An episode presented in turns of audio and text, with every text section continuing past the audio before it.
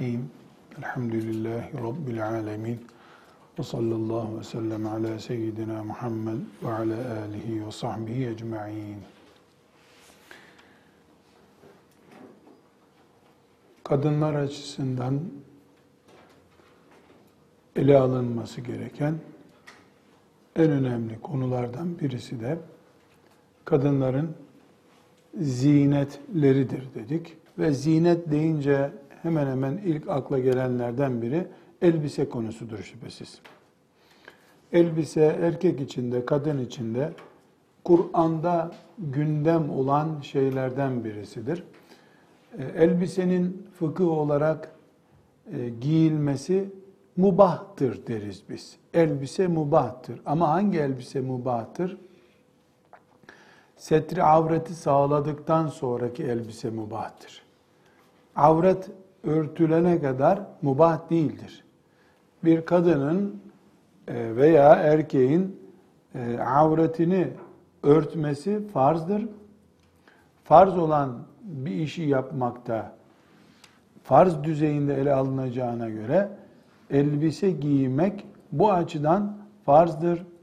Sünnet düzeyinde olur. Mesela camiye namaza giderken bir erkeğin veya e, bir hadis dersine giderken bir kadının daha dikkatli, daha düzenli giyinmesi sünnettir. Farz düzeyinden biraz daha aşağıdır. Mekruh olur. Mesela israf, bir miktar israf vardır, mekruhtur. Kibir vardır, kibirli giyinmiştir, necis bir şeyden giyiniyordur, haramdır. Yani tıpkı ibadetler gibi farz olur, sünnet olur, haram olur, mekruh olur, e, giyinme tarzı, giyinme kıyafetleri. E, kadınların giyinme konusu hanım kızlar yeni bir konu değildir. Ashab-ı kiramın hanımlarının da e, ya da ashab-ı kiramdan biraz daha bu tarafa doğru gelecek şekilde de konuşabiliriz. E, giyime düşkün olduklarına dair rivayetler var. Kadının fıtratının gereğidir bu. Kadının hakkıdır da bu. E, veda hutbesini hatırlarsanız ve diğer hadis-i şeriflerde e, kadınların Allah'ın emanetleri olarak erkeklerin yanında bulunduklarını ve haklarının verilmesi gerektiğini söylüyor. Kadının hakkı ev, yiyecek ve giyecektir denir. Ev, tabi ev deyince gaz parası, elektrik parası da ona dahil. Kadın nikahlandığı zaman ev sorunu yaşamaz. Kadın kirayı ödemek için çalışmak zorunda değildir. Giyim ve yiyecek ihtiyacını da eşi karşılamak zorundadır. Bundan ne anlıyoruz? Giyim konusu kadının tabii haklarındandır, gereklidir. Ee, başka türlü hayatın anlamı olmaz. Hayata çeki düzen vermek için e, gerekli şeylerdendir diyoruz. Bu sebeple elbette şeriatımız e, bu kadar kadının hayati anlamdaki konusuyla ilgili kuralları da muhakkak koymuştur. E, meseleyi hanımefendiler renk açısından, moda açısından ele almak istemiyorum. Çünkü bir kadının elbisesinin e, dış kıyafet hariç, dış kıyafeti konuşmuyoruz. Ona hicap diyoruz, setrir diyoruz. E, kadının elbisesinin mavi olması, kırmızı olması, beyaz olması zevkine bırakılmalıdır. Zevk meselesidir. Şeriatımızın bu konuda e, bu renk olmaz dediği bir renk yoktur. Eğer filanca renk, filan batıl ekolün kıyafeti ise e zaten benzeşme bölümünde konuşmuştuk. Benzeşme açısından onda sıkıntı var. Ama bunun dışında bin bir renkli kadın olabilir. Rengarenk olabilir. Siyah olabilir, beyaz olabilir. Yöresel zevklerden etkilenip e, yapılmış olabilir. Yılın modası da olabilir. Modada da sıkıntı yok. Yani bu yıl e, bütün kadınlar şu renk giyiyorlar. Ben de bu renkten alayım diyen bir kadın haram işlemiş olmaz. Bunu özellikle vurgulaya vurgulaya söylüyorum. Ee, neden haram işlemiş olmaz? Çünkü kadının e, iç kıyafeti bir küfür simgesi, yabancılara özenti değilse zevkle muhakkak giyilmelidir. Eğer kadın bütün arkadaşlarının giydiği kıyafeti renk olarak istiyorsa e, bu bir sorun değildir. Öbür türlü fakirliğinden veya eşinin uygun görmemesinden dolayı o kıyafeti giymeyecektir ki bu bir zaruret halidir. Yani kadının giyimi zinet statüsündedir. Zinet de kadının isteyerek, zevk alarak yapacağı bir şeydir. Burada biz e, temel ilkeler olarak kadının kıyafeti ile ilgili konuşacağız. E, bu kıyafeti ile ilgili konuşurken özellikle bu sözlere niye girdim? Meselemiz bizim renk meselesi değil. Ya da yani bilebildiğim kadar çokça kadın kıyafetlerine vakıf değilim. Etek giyer, üstüne bir bluz giyer veya bütün entari giyer e, ya da şalvar giyer, üstüne bir gömlek gibi mi giyer. Bunlar değil sorunumuz bizim. Bizim ilkelerimiz vardır. Bu ilkeler korunduğu zaman yani ilkeler dediğimiz zaman insanlar olarak değil şeriatımızın kuralları diyeceğimiz ilkeler vardır. Bu ilkeler korunduğu zaman bunun adının şalvar olması veya pantolon olması önemli değildir. Şimdi pantolon kelimesine bilinçli bir şekilde vurgulama yaptım. Kadın tesettür olarak pantolon giyebilir mi? İki nokta koyduk, cevap veriyorum. Giyebilir. Helal midir? Helaldir. Kadın pantolon giyebilir. Ama kocasının yanında. Kocasının yanında giyebilir. Oğlunun yanında giyemez. Diğer kadınların yanında da giyemez. Teyzesinin yanında da giyemez. Neden? Çünkü baliga olduktan, aybaşı olduktan sonra bir kadının göbeğiyle diz kapağı yani göbek deliğiyle diz kapağı arasındaki bölümünün ayrıntılarını annesinin de hissetmesi, görmesi haramdır. Teyzesinin görmesi de haramdır. Nikahlısından başka hiç kimse bir kadının bu iki sınır arasında kalan organlarının şeklini göremez. Çıplak göremez, şeffaf bir kıyafetle göremez, dar bir kıyafetle belli edilmiş haliyle göremez. Yoksa mesele kadının pantolon, şalvar, etek, bluz giymesi meselesi değildir.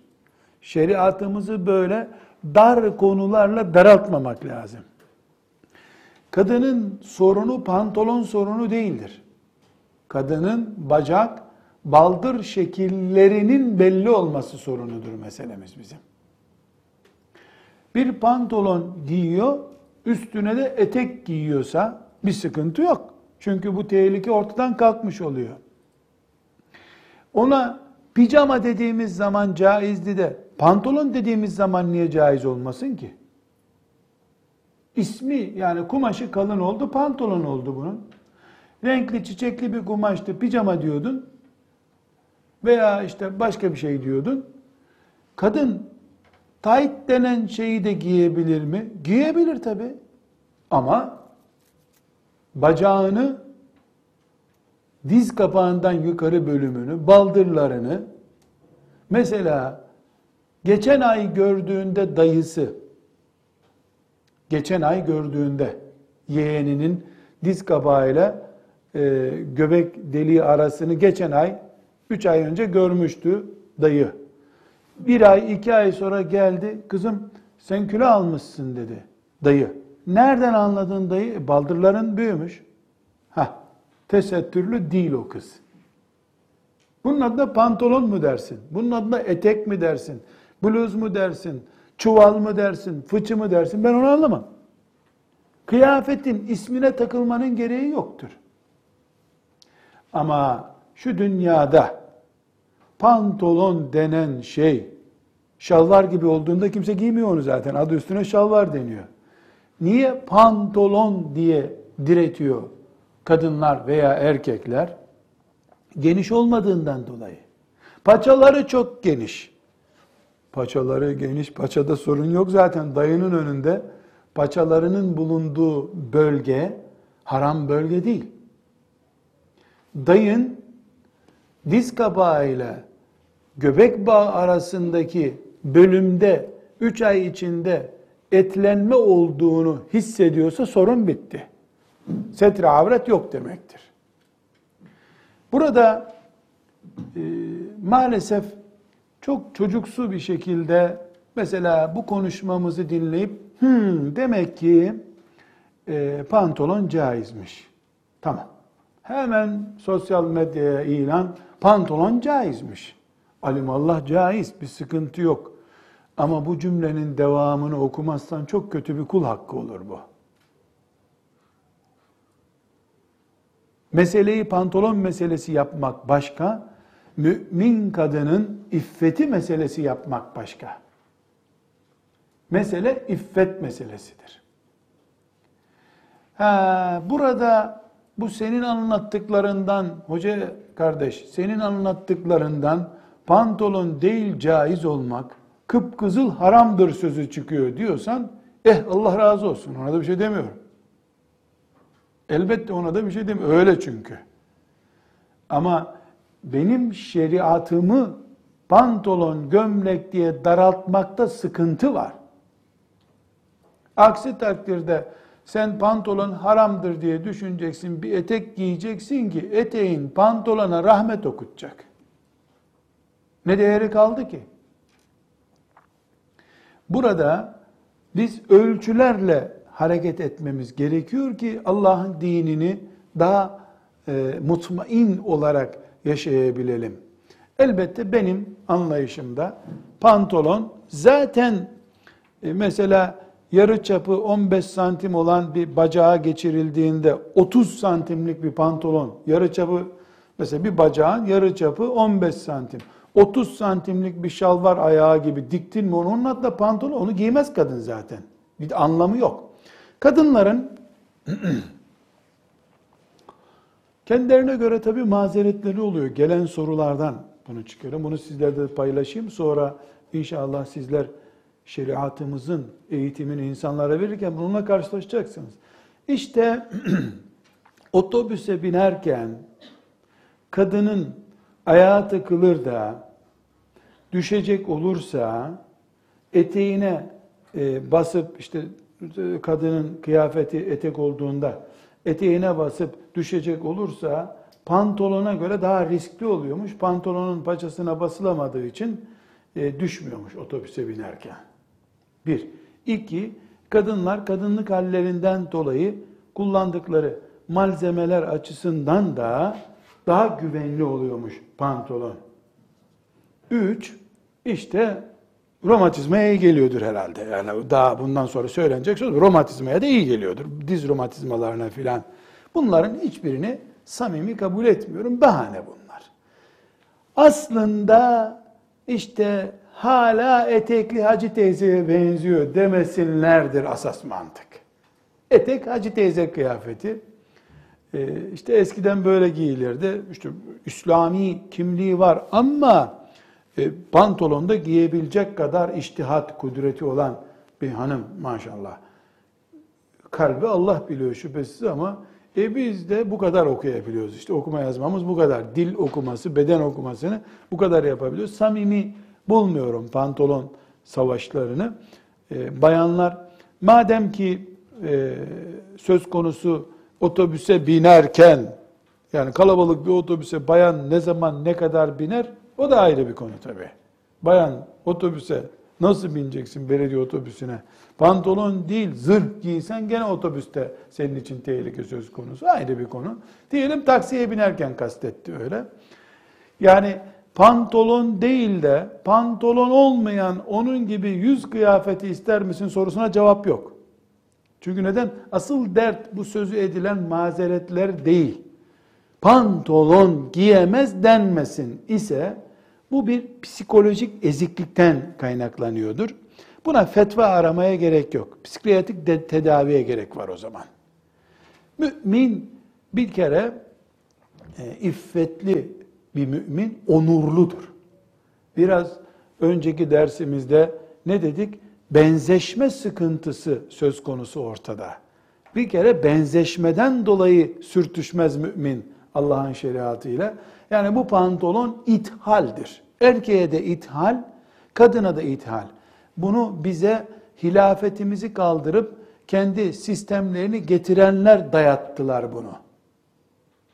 Bu dayatma önce erkekten başladı. Kadına sen etek giyebilirsin dediler. Bizi 50 sene kısa etek savaşı yaptırdılar. Sonra da kısa etekten de vazgeçtiler. Şimdi pantolon giyeceksin diye. Ellerinde ne kadar e, silah varsa onları etli, tırnaklı savaşla, saldırıyla bu e, sistemi kadının kompleksli yaşamasına e, doğru yönlendiriyorlar. Şunu anlıyorum. E, bir kadın yani tesettür diye bir sıkıntısı yoksa pantolon, kot pantolon, normal kumaş pantolon, soba borusu pantolon ne giyerse giysin artık. Yani tesettürlü olmadıktan sonra onun kumaşının rengiyle uğraşacak halimiz yok bizim herhalde. Ama tepeden tırnağa kadar tesettürlü ve Allah'ın şeriatına giyinip altta da kot pantolon niye giyenir bunu anlamış değilim. Bunu anlayamıyorum. Yani bedeninin örtülmesinin farz olduğuna inanıyor. Tepeden tırnağa kadar, ayakkabısına değecek kadar tesettürlü ama evinde açılınca kot pantolonu görünsün istemesine anlam veremiyorum. Bunu sadece ezilmişlik, komplekslik. Hani çocuklar e, bayramda ona şunu aldılar, komşu çocuğu. Niye bana siz bunu almadınız? Kompleksine benzetmek istiyorum. Bu da bir Müslüman hanımı itham etmek olacağından onu da dillendirmek doğru değil. Ne bileyim ne yaparsa yapsın herkes. Biz yani burada fıkhi mesele konuşuyoruz zaten. Bayanın dış kıyafet hariç iç kıyafetinde biz beş ölçü arıyoruz. Birincisi e, mahremleri içinde olsa avret örten kıyafete kıyafet diyoruz biz. Zinet boyutu helal ama avreti örtecek. İki, kafirlere ve erkeklere benzemeyen bir kıyafet olacak. Üç, israf haramdır. İsraf olmayacak. İsrafı da esnek tuttuk. Ne dedik? İsraf e, zengine göre farklı, fakire göre farklı. Yaşa göre farklı, topluma göre farklı. Ama müminin kalbi, vicdanı zaten hakimdir bu hususta. Bir de dış kıyafet için ilave maddemiz var. Dış kıyafet söz konusu olduğunda dış kıyafetin kendisi dekorlu olmayacak. Daha önce kullandığımız ölçüyü e, tekrar ediyorum. Yani vitrine konduğunda kumaş kalitesi, dikiş kalitesi helal. Onda bir sıkıntı yok. Ama üzerindeki işlemesi, sanatı vesairesi açısından kendisi dikkat çekici olmayacak. Çünkü kıyafetin, tesettürün ana maksadı kadını gözlerden korumaktır. Üzerindeki kıyafet bakar mısın bana lütfen de, dedirten bir kıyafetse onun şeriat açısından bir değeri yok demektir. Bunun dışında kadının kıyafetinde haramlık söz konusu olmamalı. Haram nedir? E, çalma bir haram türüdür. Kullanılması caiz olmayacak e, nesneler olabilir. Necis olabilir. Bunlar ayrı bir konu. E, zinet kurallarında konuştuğumuz gibi resimli bir kıyafet olmayabilir. Kadının bunların dışında evde giydiği kıyafetlerinde iki ölçü ararız. Birincisi baba, ağabey ve çocuklar. Bilhassa e, genç çocuklar varken evde e, kadın kıyafetine özen göstermeli. Bu özenlik de e, mesela genç çocuğun annesinin üzerinden kadınların kimliğini tanıması gibi bir sonuç doğurmayacak kıyafet olmalı. Ahlak zaviyesinden baktığımızda. İkinci nokta eşiyle kadının kıyafet konusunda herhangi bir sınır yoktur. Sıfır sınır vardır. Kadınla erkek arasında nikah bağı kurulduktan sonra sınırlar sıfırdır. Hiçbir sınır yoktur. Sınırsız bir şekilde giyinip kuşanabilir kadın. Yukarıdaki israf vesaire maddelerine takılır takılmaz ayrı bir konu. Bir de kadınlar e, köpek ve domuz ürünü olan herhangi bir şeyi kıyafet olarak üzerlerine almamalıdırlar demiştik daha önce. Burada kıyafette, dış kıyafet konusunda tekrar özel dersler yapacağız. Kadının dış kıyafeti defalarca zaten değindik. Kadının avreti hangi bölgedir, sokakta bunların ne kadarını koruması gerekiyor bunları konuştuk. Burada e, bizim zamanımızda e, yeni yeni gündeme gelen peçe meselesi var.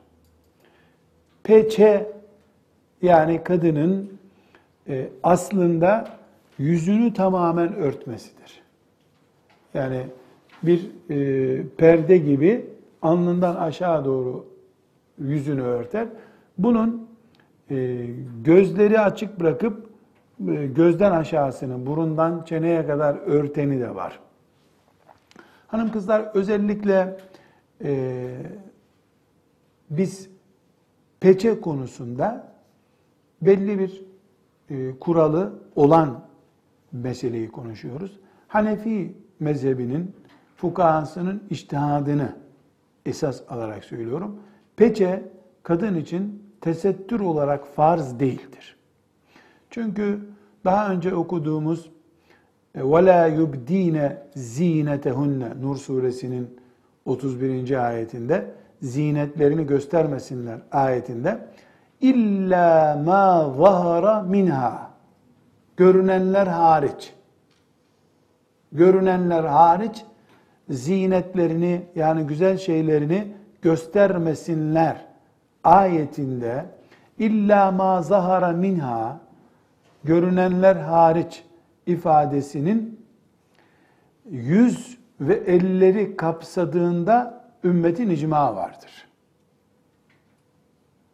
İcma eğer tartışılacaksa fukahanın kesin ittifakı vardır.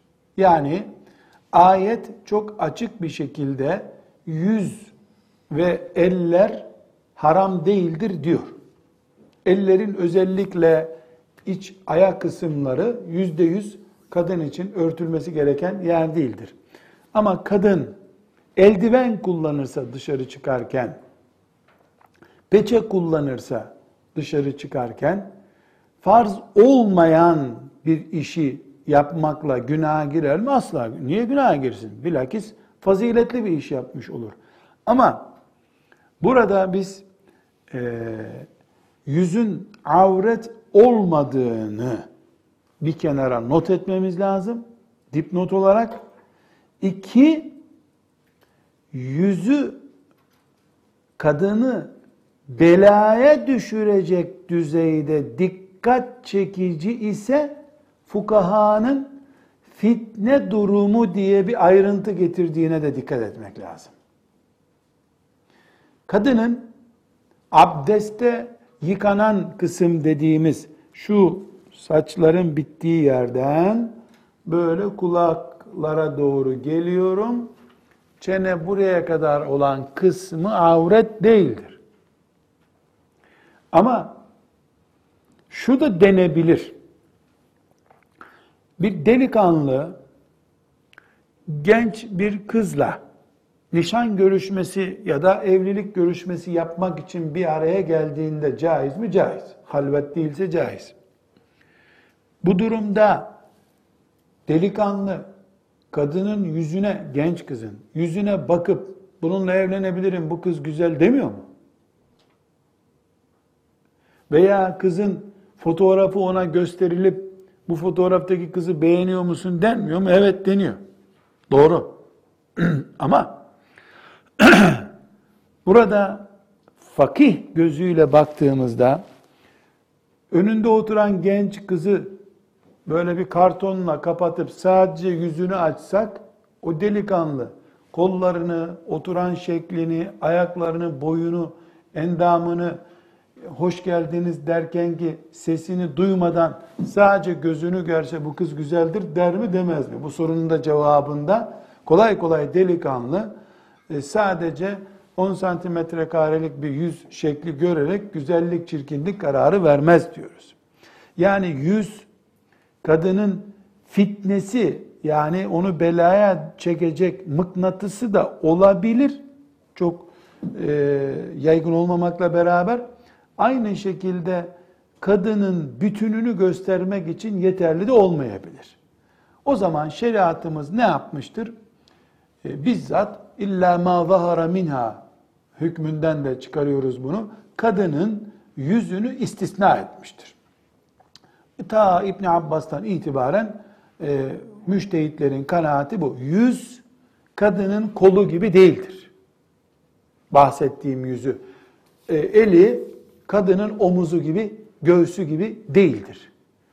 Ayak kabı giyen, kadın ayakkabısı kadar, bot kadar değil, kadın ayakkabısı kadar giyilen o ayakkabıya giren ayak bölümü avreti değildir kadının. O zaman peçenin hükmü nedir? Peçe farz değildir. Şimdi bütün bunları konuştuk konuştuk, hükmü toparlayacağız. Peçe farz değildir. Peki nedir? Peçe fitne söz konusu olduğunda tavsiye edilir. Peki fitne olduğunda tavsiye edilen bu şeyin kendisi fitne olur mu? Olur. Nasıl olur? Mesela 20 e, tane genç kızın arasında 3 tanesi peçeli olarak şöhret olmayı istemek için yani Allah rızası için değil de şöhret için bunu tak, giyerlerse e, şöhret kıyafeti caiz olmaz.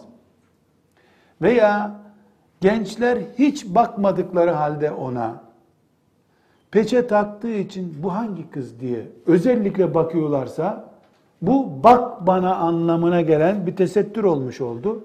Yine sıkıntı çıktı ortaya. O zaman peçe ile ilgili tavsiyemiz nedir? Peçe ile ilgili tavsiyemiz anne, baba, hoca, abla, e, hoca hanım, kızım sen peçe taksan iyi olur, çok dikkat çekiyorsun dendiğinde peçe takmasını tavsiye ederiz. Bunun dışında e, çok kraldan kralcı olmanın da gereği yoktur. Onun yerine kadınlar peçe yerine taktıkları hımar dediğimiz kıyafeti mümkün olduğu kadar çenelerinin yukarılarına doğru çıkararak yüzden görülen kısmı küçültebilirler. Peçe ile ilgili bir ayrıntı daha e, yeri gelmişken e, temas etmemizde fayda var. Bütün dünyada Müslümanlar arasında selefilik diye bir akım var. Bu selefilik akımı şu anda bizim doğrudur, yanlıştır diye haşa konuşacağımız bir şey değil. Çünkü selefilik selefe bağlı olan ekol demektir. Ashab-ı kirama bağlı olanı yanlış yoldasın diyecek kadar imanımız elhamdülillah zayıf değil. Rabbimize şükürler olsun. Haşa onu tenkit değil ama bazı uygulamaları ele almamızda da hiçbir sakınca yok. Yani adına selefi denen e, kendilerini öyle isimlendiren kardeşlerimizin erkeklerinde sakala hiç dokunmama vardır. Böyle belki taramayı da yapmıyorlar mıdır bilmiyorum. Yani ne kadar büyük yarattıysa Allah sakalları öyle duruyor. Bayanları da tam peçeyle dolaşıyorlar. Benim e, o cemaatle e, ya da oraya intisap etmiş kardeşlerim, arkadaşlarım var. Onlarla bu şekilde görüyorum, ediyorum. Mısır'da ciddi bir şekilde yaygınlar. Körfez ülkelerinde bayağı yaygınlar. Şahsen ben iftihar ediyorum.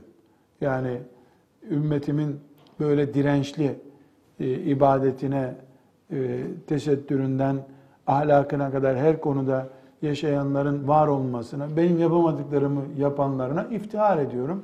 Allah razı olsun diyorum ama bu kardeşlerimizin e, peçe kullanmayanları facirat, fasikat yani kötü kadınlar diye isimlendirmelerini de sapıklık olarak görüyorum. Yani mesele peçe eğer ümmet ittifak etmediyse bu konuda fukahanın iştihadı varsa e, bu husustaki ahkamı faizle ilgili hükümler gibi görmek, zina ile ilgili hükümler gibi görmek bir aşırılıktır. Bu bizim şeriatımızın kabul edeceği şey değildir. Biz vasat diniz. Ümme vasat. Biz vasat bir ümmetiz. Bu bir aşırılıktır. Bu hususta e, elinize geçerse görürsünüz. Yani sanki e, kafirlerin Mescid-i Aksa'yı işgal etmesine denk bir mesele. Tesettür o işgale denk bir meseledir. Çıplaklık. Neden? Bütün ümmetimiz ilk gününden bugüne kadar ittifak etmiştir ki mümin kadının göğüsleri, bel kıyafeti belli olmaz sokakta. Tesettür budur diye ittifak etmiştir bu ümmet. Bunu bir daha bizim tartışacak halimiz yok. Bunun mücadelesini yapalım. Bu Kudüs davamıza denk bir davadır. Ama peçe kullanma böyle bir ittifak konusu değildir. Evet, selefimizden bazı müştehitlerimiz peçeyi setri avretin parçası olarak görmüşlerdir. İmam-ı Azam rahmetullahi aleyh başta olmak üzere cumhur fukahada bunu böyle görmemiştir. Onlar da normal e, fitne şartları yoksa normal durumlarda peçe şart değildir demişlerdir. Fitne olunca yüzde yüz ittifak var.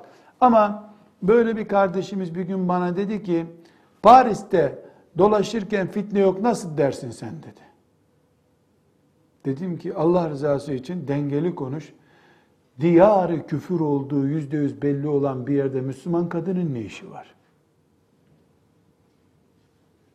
Paris'te ne işi var kadının? Eyfel Kulesi'ni ziyarete gider mi bir Müslüman kadın ki orada peçeyle Eyfel Kulesi'ni dolaşacaksın? Mantıksızlık bu. Bu din aşırı giden herkesi ezer. Hadis-i şerifi hatırlıyorsunuz. La tuvagilu fi hazed din. Bu dine aşırı dalmayın. Kurallara uyun. Helali helal, mubah mubah, haram haram olarak görün. Aşırı giderseniz din sizi ezer. Onun için ben sabahlara kadar uyumayacağım, ibadet edeceğim. Kadınlara tutma, evlenme onlarla diyene ne buyurmuştu aleyhisselam Efendimiz? Men ragibe an sünneti feleyse minni. Sünnetimden ayrılan benden değildir. Hayatı dengeli yaşamak. Evleniyorsun, boşanıyorsun, yiyorsun, içiyorsun, hac ediyorsun, Kabe'de ağlıyorsun, düğünde geliyorsun, gülüyorsun. Hayat budur. Harama bulaşmadıkça mübahlarla yaşıyorsun. E git Paris'te sen Eyfel Kulesi'nin dibinde fotoğraf çektireceksin. Peçeyle fotoğraf çektiriyorsun. Oradan işte peçesiz dolaşırsan Fransızlar bakıyormuş. E bu komiklik. Yani aşırı gitme bu. Bunu samimi olup olmadığını Allah bilir. Bizi ilgilendirmez ama e, fıkıh açısından ele alıyoruz meseleyi biz. Bu aşırılık uygun değildir diyoruz. Peçe uygun değildir demedim. Herkes dikkat etsin fitne durumu söz konusu senin ablan, hocan, kızım çok dikkat çekiyorsun, sen peçe takman gerekiyor diyorsa peçe takacaksın. O zaman sana farz oldu demektir ya da vacip oldu demektir. Ama ilke olarak mesela memleketimizde keşke kadınlarımız hepsi peçeli olsa da o gün sevinçten ben uçsam dünyalara kadar. Ama Müslüman ların biz İslam'ı getireceğiz diye zekatlarını, fitrelerini toplayan cemaatlerin e, başlarındaki duran insanların hanımları televizyonlarda endam yapan kadınlardan çok farklı giyinmedikleri bir yerde genç üç tane kız e, çıkıp peçeyle televizyonda röportaj yaptıkları zaman ben gülüyorum buna. Peçeli halde olmak garipliği kabul ettiğin halde televizyona çıkmak gibi bir çelişkidir o zaman. Yani mümkün olduğu kadar bu hususta makulü düşünmek lazım. Aşırılığa, ifrata kaçmamak gerekiyor. Ama peçe bu ümmettendir. Peçe yoktur demek başka bir şey. Peçe yani kadının ya baştan buradan aşağı kadar bir perde gibi yüzünü kapatması ya da Müslüman kadının e, gözünden aşağısını e, peçelemesi bu ümmettendir. Meselemiz bizim peçe meselesi değil. Bedenlerimizi kadınlar olarak Mescid-i Aksa kadar değerli görmektir. Mescid-i Aksa'nın Kabe'nin duvarı kadar değerli göğsün olacak senin. Senin omuzun Hacerül Esved'in konduğu köşe kadar değerli olacak senin gözünde. Sen kendi bedenine bu kadar değer vereceksin. Ümmeti Muhammed de seni namusu bilecek. Allah da seni cennete koyacak. Meselenin özü budur. Velhamdülillahi Rabbil Alemin.